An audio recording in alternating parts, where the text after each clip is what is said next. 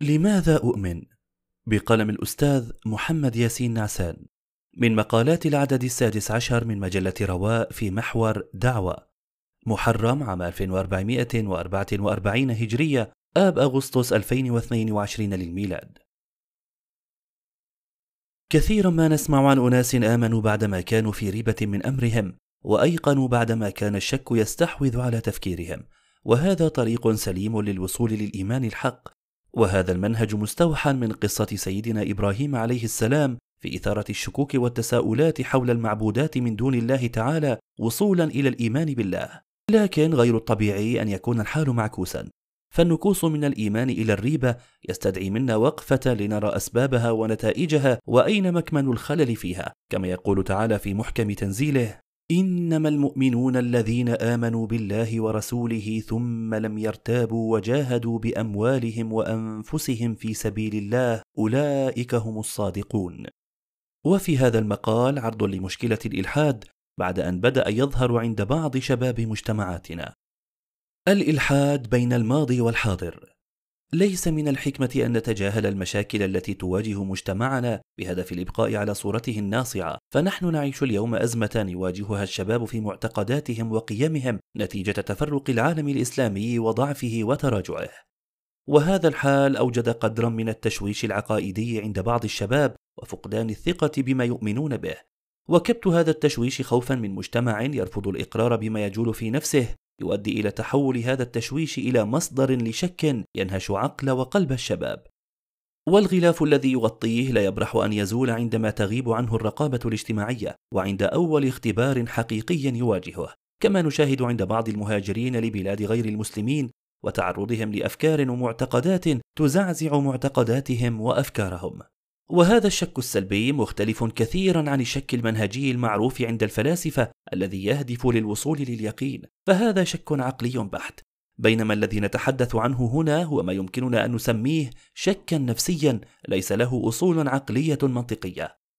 والإلحاد المعاصر بشكل عام يختلف عن الإلحاد الفلسفي القديم الذي ينتج عن تفسيرات عقلية للوجود، فهذا الأخير دائما ما كان يواجه بحجج منطقية فلسفية لإثبات وجود الله، بينما العديد من صور الإلحاد المعاصر ناتجة عن شرخ يفرز تناقضا بين ما هو عقائدي وبين ما هو واقعي، فهو حالة نفسية أكثر منه حالة عقلية، إنه رفض للمعتقد الذي ظاهره يخالف واقع الحال المتبدل العيان. على مر الزمان اجتهد العلماء في تقديم الأدلة العقلية والمنطقية على وجود خالق موجد لهذا الكون بهدف الوصول لإيمان يعتمد على العقل الذي لا يفتأ يبحث عن حلول توافق قوانينه وتكوينه. وفي المقابل ظهرت موجات الإلحاد مع ظهور الفلسفات الوضعية المادية والتي ركزت اهتمامها على الطبيعة ورفضت فكرة ما وراء الطبيعة. لذلك فهي ترى الإيمان عموما حالة لا عقلية وتصفه أنه عجز عن فهم هذا العالم بما فيه من ظواهر. فرواد هذه التيارات يرون أن العلم المعاصر قد توصل لكثير من التفسيرات التي كان يعجز عنها من سبق. ابتداء من الداروينيه التي حاولت إلغاء فكرة الخلق وصولا إلى النظريات الفيزيائية التي تفسر نشأة الكون بالانفجار الأعظم. وبما أفرزته الفلسفة الوجودية بقلب المفاهيم عن أولوية وجود الإنسان كجسد على ماهيته التي يمكن معادلتها بكلمة روحه. لذلك يرى الإلحاد المعاصر أن على الإنسان المعاصر التخلص من فكرة الإله التي كانت مبررة في عصور ما قبل النهضة العلمية. أما الآن فقد قدم العلم إجابات عن كل التساؤلات التي كانت خافية عن الإنسان القديم. وما لم يفسره العلم حتى الآن فهو غير موجود. وفي سياق هذا الحديث لابد من معرفة أن الإلحاد أنواع وأقسام، فليس كل ملحد يحمل الأفكار والتوجهات نفسها، بل هناك أنواع مختلفة من الإلحاد من حيث المنشأ أو الفكر الذي صدرت عنه، وما يهمنا الحديث عنه هنا هو الإلحاد الناتج عن التفاعلات النفسية مع الواقع المعاش، أي الإلحاد النفسي، والذي يمكننا القول عنه إنه أخطرها، لأنه لا يستند على أفكار بل على مزاجيات سيكولوجية.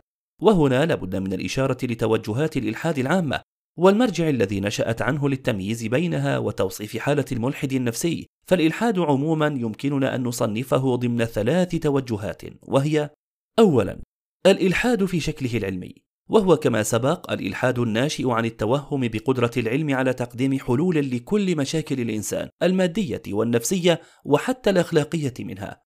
وهذا النوع يعتمد على نظريات علمية في مختلف العلوم الطبيعية لإحلالها محل العقائد الإيمانية. ويمكن تقويض أسس هذا الإلحاد ببيان بطلان صحة هذه النظريات أو الرد عليها بطريقة علمية وببيان أن العلم لا يمكنه إدراك كل شيء. ثانيا الإلحاد في شكله الفلسفي. وقد ظهر هذا الإلحاد من خلال فلسفات كانت تحاول تفسير الوجود بعيدا عن نور الوحي منذ زمن اليونانيين القدماء وصولا لعصر النهضة الأوروبية الحديث. تجلت بصورة سجالات حول إثبات وجود الإله وما يقابله من محاولات إبطال هذه البراهين من قبل المنكرين لوجوده. والمتتبع لتاريخ هذا الفكر يرى أن الفلاسفة المنكرين لوجود الله قلة قليلة. ولم تلق نظرياتهم القبول العام وذلك لسبب يسير وهو أنهم لم يقدموا نظريات بالمعنى الدقيق بل كان كل عملهم هو الإنكار. إنكار ما هو مثبت بالأدلة والبراهين دون تقديم نظريات مدعمة بالأدلة والبراهين. مع أن الفريق الآخر كان إيمانه بوجود الإله مليئا بالتصورات الوثنية والخرافية. ثالثا الإلحاد النفسي. وهو إلحاد يحصل بسبب أزمات وضغوط نفسية يعاني منها الشخص. فيظن أنه يهرب منها من خلال الإلحاد وإنكار الخالق وأبرز ما تتجلى فيه هذه الأزمات الظروف الضاغطة والأحوال الصعبة التي يمر بها الشخص أو مجتمعه كما وقع في أعقاب الحربين العالميتين وما تلاهما من تحولات فكرية وسياسية واجتماعية هزت المجتمعات من أساسها.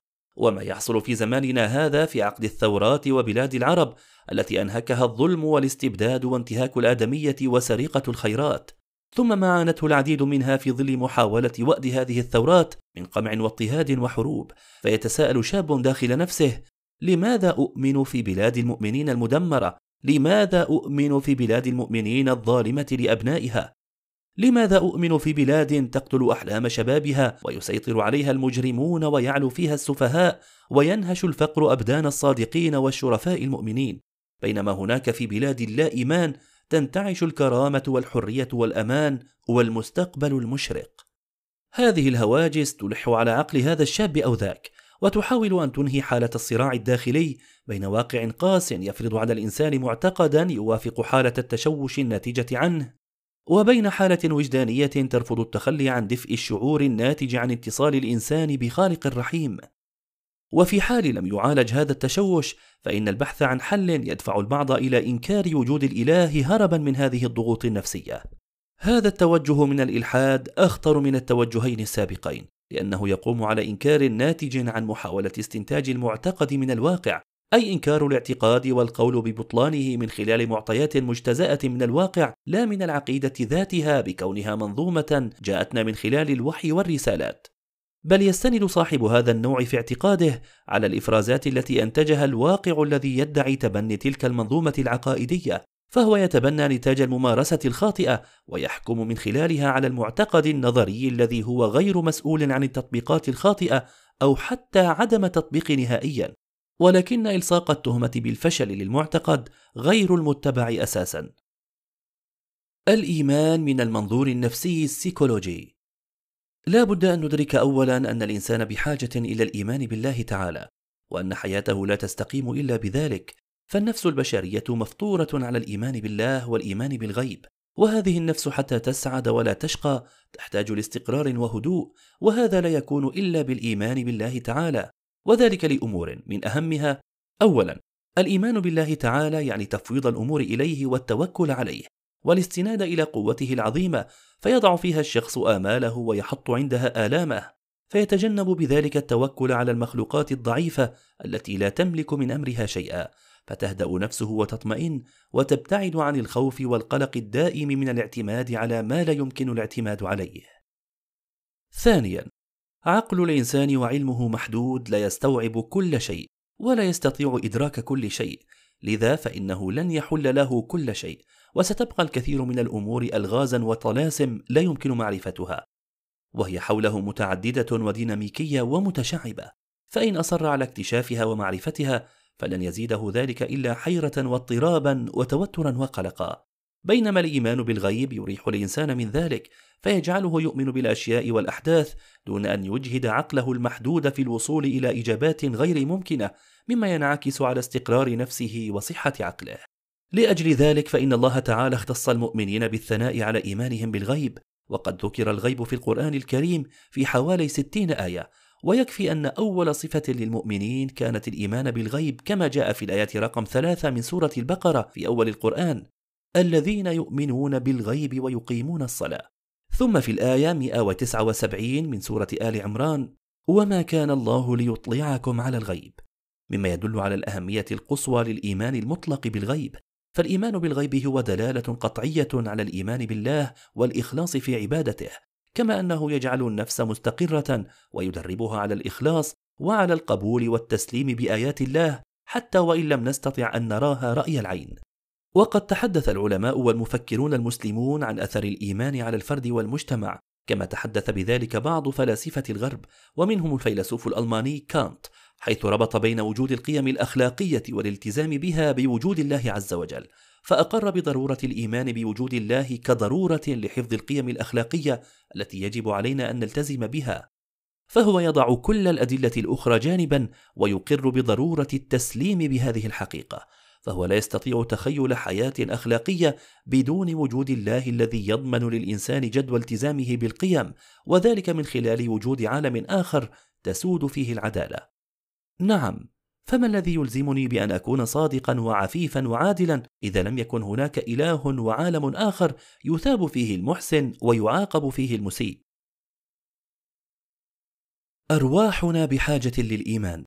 وبالعودة لما قلنا سابقا عن حالة الشباب المتأزم نفسيا في هذا العصر المتخبط والمتسارع في تقلباته فنحن بحاجة إلى الإيمان بالله من الجهة النفسية السيكولوجية قبل كل شيء. ومن يتأمل هذا الواقع الذي نعيش فيه بشيء من التعقل الممزوج بالوجدانية ويرى كيف نعيش حالة الخيبة والألم والفوضى والانكسارات على المستوى الجماعي وعلى المستوى الفردي الحياتي اليومي لابد أن يتساءل كيف لنا أن نستمر في الحياة دون وجود أمل بحياة أفضل؟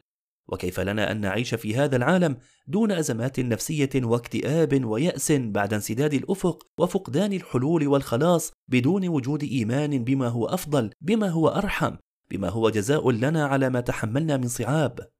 كيف لنا أن نحيا مع اللا جدوى واللا معنى والعدمية التي ينادي بها المشككون؟ وكيف لي أن أتخيل نفسي أني غير موجود في لحظة من اللحظات كما يحاولون إقناعي بأني عبارة عن قشة في مهب الريح وأني سأنتهي إلى اللاوجود أو العدم. وكيف لي أن أؤمن بالمصادفة فقط وأقتنع أنها هي التي منها ابتدأنا وسننتهي من خلالها أيضا كأية حلاقه دخان خرجت من سيجارة أحدهم دون قصد وستتلاشى إلى اللاشيء. وعلى سبيل المثال فنحن في سوريا اليوم أحوج ما نكون إلى الإيمان لكي تبقى نفوسنا حية بعد أن أنهكها الدمار والتهجير والفقر وبعد أن أتعبها واقع ملموس لا يبشر بفرج قريب. فكيف لهذا الشعب ألا ينتظر النصر من يقين يبعث الطمأنينة وإمكانية الاستمرار؟ فعندما ينادي المؤمنون متى نصر الله؟ وذلك من شدة تردي الواقع والمعطيات الموجودة فيلجؤون لما هو فوق الواقع والمعطيات من حيث يشعرون أو لا يشعرون. فهذا السؤال ليس من باب الشك بل هو عكس ذلك تماما. إنه الإيمان الكامن في أعماق النفس البشرية بأن الفرج بيد أعلى من أيديهم. فأرواحنا دائما بحاجة للإيمان بما هو خير مطلق مع انتشار الشر في الأرض وبما هو حق مطلق مع شيوع الظلم وبما هو جمال مطلق مع طغيان القبح على هذه الحياة. نعم نحن بحاجة نفسية لله عز وجل. ولا تعنينا كل نظريات الملحدين التي يتحدثون بها عن العقلانية الجافة وفيزياء الكم والذكاء الصناعي الرقمي. إذا لم تقدم لنا السعادة في الدارين. وهنا لابد من الإنصات لكلمات سيد قطب رحمه الله عن أهمية الإيمان على الروح والنفس.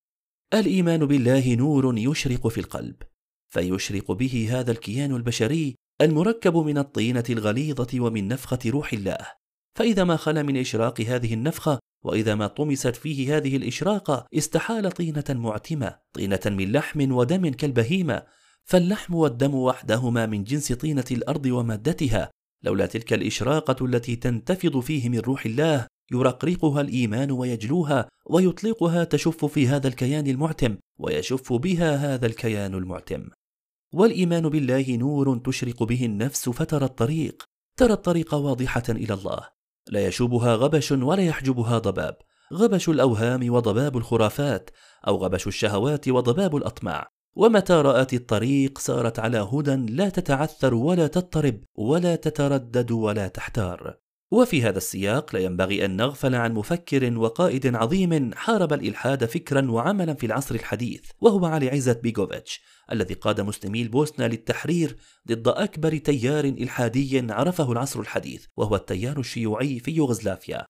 فقد اعتمد بيغوفيتش رحمه الله على فكرة ثنائية الطبيعة والإنسان ودافع بها عن الإيمان مقابل الواحدية الإلحادية التي ألغت الإنسان مقابل الطبيعة. فقد حاربهم فكريا بكتابه الذي يعتبر من أهم ما كتب في العصر الحديث عن هذا الاتجاه الإسلام بين الشرق والغرب. وقد كان يعتبر الإيمان المصدر الأول للأمان. وقد كان يعتبر الإيمان المصدر الأول للأمان. إن الإيمان بالله والإيمان بعنايته يمنحنا الشعور بالأمن الذي لا يمكن تعويضه بأي شيء آخر. وأخيرا، فإن علماء النفس اليوم وبعد التطور الكبير الذي شهده هذا العلم في العقود الأخيرة يؤكدون على أن النفس لا تستطيع أن تكون سليمة بدون تعلقها بقوة مطلقة تبعث فيها الأمل والأمان والطموح الدائم نحو الأفضل، فكما أن للجسد جهازا مناعيا يشكل سدا ضد الأجسام الغريبة التي تدخل للجسد، فكذلك للنفس جهاز مناعي يكون سدا ضد الأفكار والأوهام واليأس ألا وهو الإيمان. كيف أؤمن؟ بعدما قيل عن أهمية الإيمان قد نواجه بسؤال يقول لماذا لم يكن إيمانكم بالإله مغيرا لحالكم السيئة التي تعيشون فيها الآن؟ وفي الحقيقة لدينا مفاهيم وأفكار مغلوطة عن الإيمان، وقد أسهمت في نشر التشكيك لدى شريحة من شباب اليوم، وأهم ما يجب التنويه له هنا ربط بعض الدعاة الإيمان بغاية حياتية مباشرة بغية تشجيع الناس على الإيمان، كمن يقول إن من يمارس العبادات بطريقة صحيحة سيكون في مأمن من الفقر مثلا، فماذا سيكون حال الإنسان الذي يؤدي عباداته ولا يزال فقيرا؟ الإيمان غاية وليس وسيلة وعندما يتم تحويله لوسيلة من أجل غاية أقل منه لن نصل إلى تلك الغاية بل سيتحول الإيمان إلى حالة مشكوك فيها لأنه لم يحقق الغاية التي ربط بها أو وجد من أجلها. فالهزيمة في معركة بين المؤمنين وغيرهم يجب ألا يتم ربطها بالحقيقة الإيمانية للناس لأن ذلك مغالطة كبرى لها ارتدادات سلبية. بل علينا أن نعي أن الإيمان في جزء منه هو أن نعطي لكل غاية أسبابها المادية فالإيمان لا يعني أن نشترط على الله عز وجل تحقيق أهدافنا الدنيوية ولا يستمد الإيمان من نتائج أفعالنا. وكذلك فهو لا يعني أن نربط صدق هذا الإيمان بنجاحاتنا أو إخفاقاتنا. فعندما نؤمن تصبح الأحداث نتائج لإيماننا لا غايات وهذه النقطة مهمة جدا لمعالجة إسقاط فشلنا على إيماننا. ففي ثاني معركة للمسلمين وهي أحد لم يكن النصر حليفهم ولم يكن لذلك تأثير في إيمانهم لأنهم تربوا على الإيمان المستمد من السماء لا من نتائج أحداث الأرض. بل كانوا يبحثون عن أخطائهم وجوانب تقصيرهم التي أدت لهزيمتهم والأسباب التي يجب أن يوفروها لتحقيق غاياتهم. وفي الختام نقول إن الإيمان حاجة لنا كبشر على جميع الصعد الحياتية والأخروية. وليس شرطا مزاجيا تتحكم به مجريات الأحداث على المستوى الجماعي والفردي. فإذا استمد الإيمان من السماء كانت نتائجه مذهلة على الأرض. أما إذا استمد من الأرض فسرعان ما سنفقده. إنه الفرق بين ما هو مطلق وبين ما هو نسبي. مجلة رواء تروي ظما المعرفة.